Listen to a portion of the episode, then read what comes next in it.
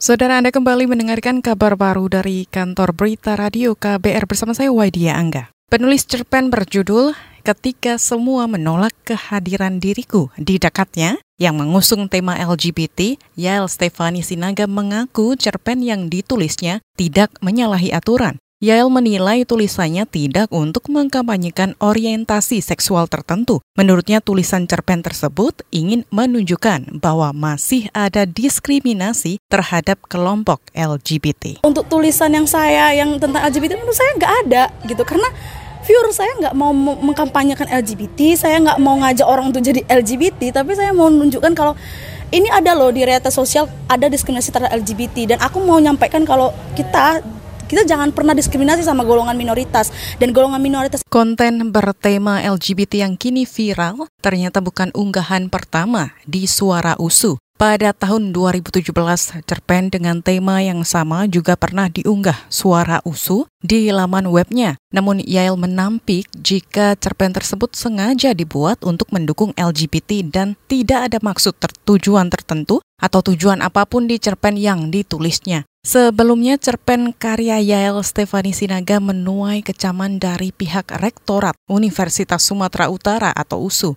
Diunggahnya cerpen LGBT itu membuat Rektorat USU mengganti seluruh struktural redaksi Suara USU yang merupakan lembaga pers mahasiswa di kampus tersebut.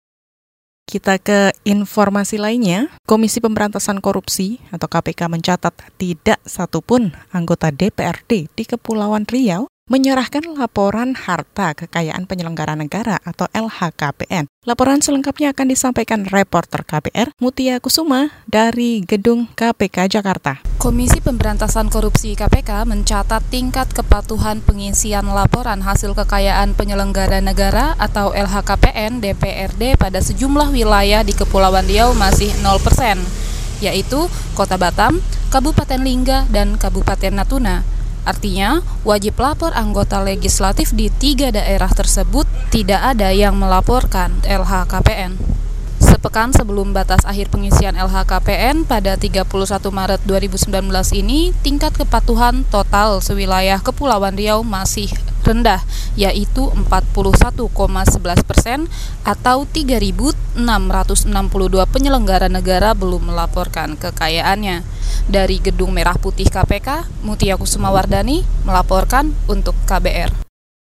Kita ke berita selanjutnya. Badan Pemenangan Nasional atau BPN Prabowo Subianto Sandiaga Uno menemukan ada dugaan 17,5 juta daftar pemilih tetap atau DPT bermasalah. Wakil Ketua BPN Fadli Zon memandang berdasarkan hasil penelusuran dari tim IT BPN sebanyak 17,5 juta DPT bermasalah itu merupakan kesalahan Kemendagri. Ia menyerukan agar temuan DPT bermasalah segera dipenahi sebelum berlangsungnya penyelenggaraan Pileg dan Pilpres pada 17 April 2019 mendatang. Berdasarkan tadi paparan yang disampaikan, memang ada temuan ya, 17,5 juta DPT yang dianggap bermasalah. Baik itu kategorinya adalah ganda, kategorinya invalid, manipulatif, ya mungkin boleh juga dikatakan sebagai siluman. Siluman itu artinya orangnya benar-benar tidak ada. Nah, yang bermasalah ini yang saya kira harus segera diselesaikan. Jangan sampai kemudian ada ketidakpercayaan kepada penyelenggara pemilu. Harus ada satu jawaban yang tegas. Saya yakin ini bukan mencari siapa yang salah, karena kalau yang salah sudah pasti itu dari data awal di Kemendagri. Wakil Ketua BPN Fadli Zon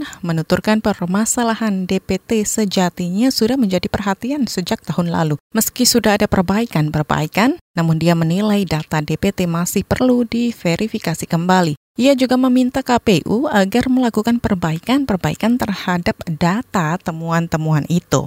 Saudara demikian kabar baru dari KBR, saya Waidia Angga.